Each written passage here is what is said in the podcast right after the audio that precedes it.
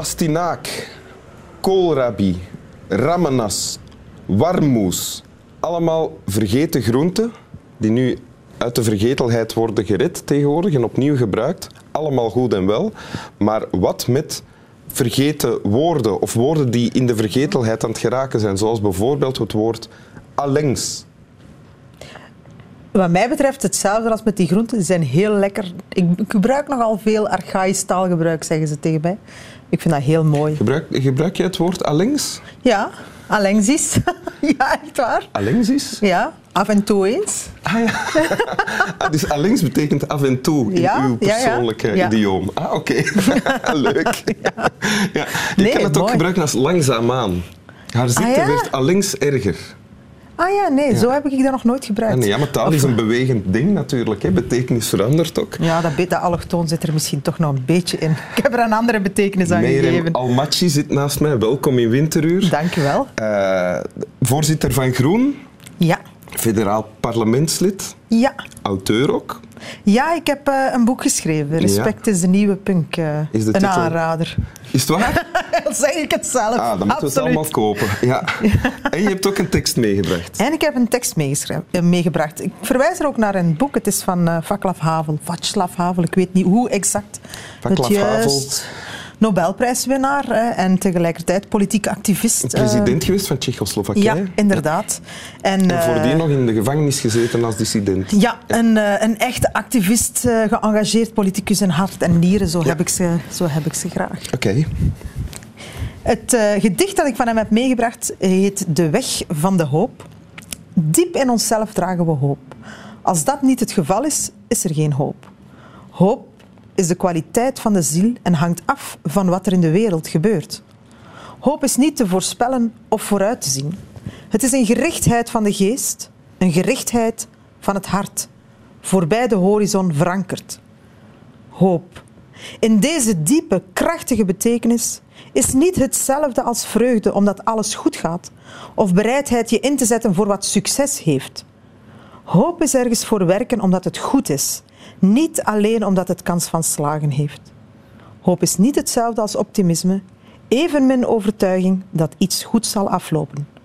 Wel de zekerheid dat iets zinvol is, afgezien van de afloop, het resultaat. Dank u wel. Graag gedaan. Je zei net dat, dat je deze tekst ook hebt opgenomen in je boek. Ja. Dus dat is een belangrijke tekst voor jou. Ja, en dan vooral de voorlaatste strofe. Ja? Hoop is ergens voor werken omdat het goed is, niet alleen omdat het kans van slagen heeft. We leven nogal in een samenleving die heel erg gericht is op succes, op persoonlijk succes, en die soms, vind ik, iets te berekend is. Terwijl ik nogal gedreven word uit engagement en uit het diepe geloof dat je gewoon moet gaan voor hetgeen waar je in gelooft dat goed is. En dat dat juist is en dat rechtvaardig is. En ja, dit gedicht zegt dat, zegt dat echt volledig voor mij. Het is ergens voor werken omdat het goed is. Niet alleen omdat het een kans van slagen heeft. Maar je hebt, dat heb je toch wel nodig, dat er dingen gebeuren. Jij wil dingen doen veranderen, Ja, denk ik. absoluut. En uiteraard is het uw bedoeling om dat resultaat te halen. Maar zelfs al weet je op voorhand niet of dat je dat resultaat gaat halen, toch is het de moeite waard om ervoor te gaan. Ik heb in mijn leven al heel veel onwaarschijnlijke dingen zien gebeuren. Dingen waarvan je op voorhand zou zeggen, goh, de kans dat dat lukt is zeer klein. Maar Geef juist, een voorbeeld. Een heel persoonlijk voorbeeld. Ik ben een kind eh, uit een, eh, uit een, een migrantengezin, tweede Ja. generatie. En er zijn er heel weinig daarvan die gaan verder studeren. En in mijn, toen in mijn, in mijn eh, jeugd eh, was er niemand die naar het ASO ging, maar niemand. Geen enkel jongen, geen enkel meisje uit mijn gemeenschap ging toen naar het ASO. En ik wilde dat heel graag. Op maar dat was 12 jaar dan, eigenlijk ja, ja. op mijn 12 jaar. Ja. En ik heb mij achter de rug van iedereen ingeschreven.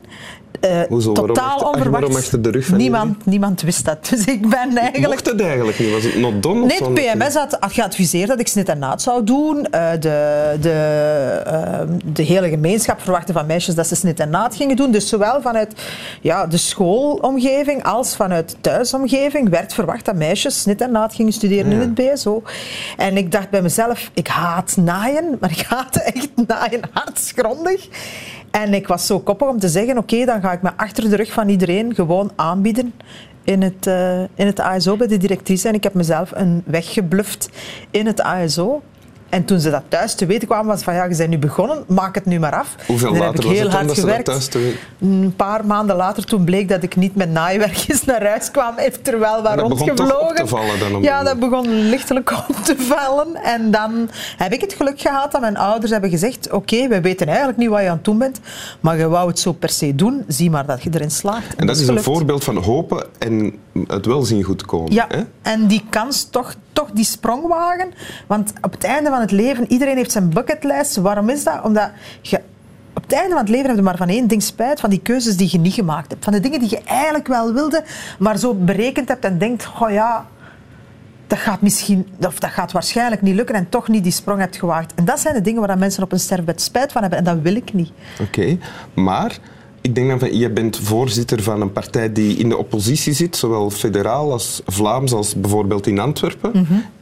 Ehm, dus je kan wel heel veel werken en ideeën leveren, maar waarschijnlijk wordt daar maar een fractie van gebruikt of opgepikt. Oh, er mag alles van opgepikt worden. Het is een fantastisch programma. Maar het, het punt is, hoop is ergens voor werken, omdat je gelooft dat het goed is. Want word je dan nooit moedeloos? Nee, absoluut niet. Omdat je bijvoorbeeld op andere plaatsen, kijk dan naar Gent eh, bijvoorbeeld, wel eh, heel actief dat verschil kunt maken.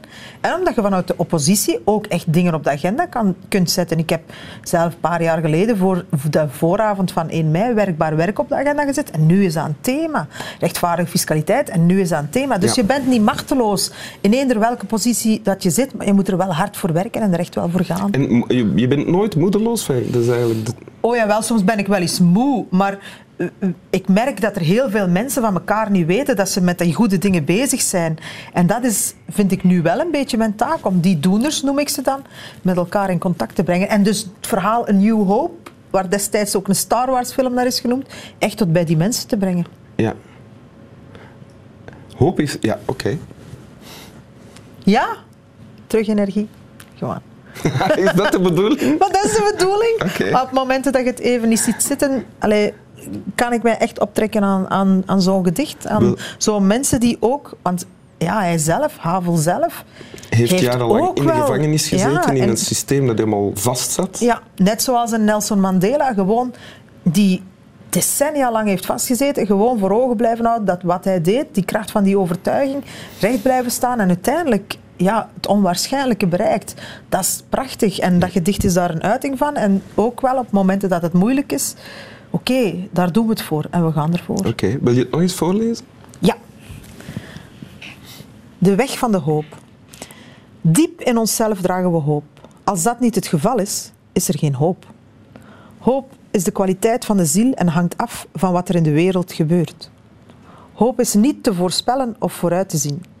Het is een gerichtheid van de geest, een gerichtheid van het hart, voorbij de horizon verankerd.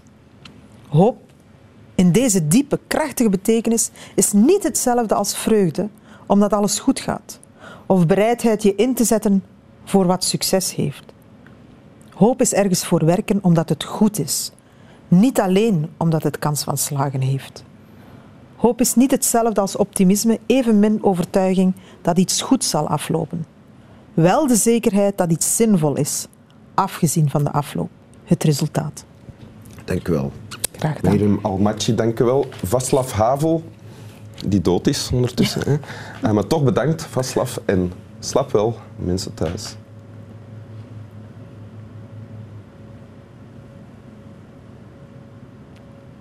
Wanneer is hij gestorven? ik heb zo al mijn hoop de dieper in. ik wist, ik Die is wist toch dat hij gestorven is, Ja. maar wanneer? Ik weet dat niet meer. Ik denk al tien jaar jaar, tien geleden. jaar geleden of zoiets. Zo lang al? Ja. Ik weet het eigenlijk niet.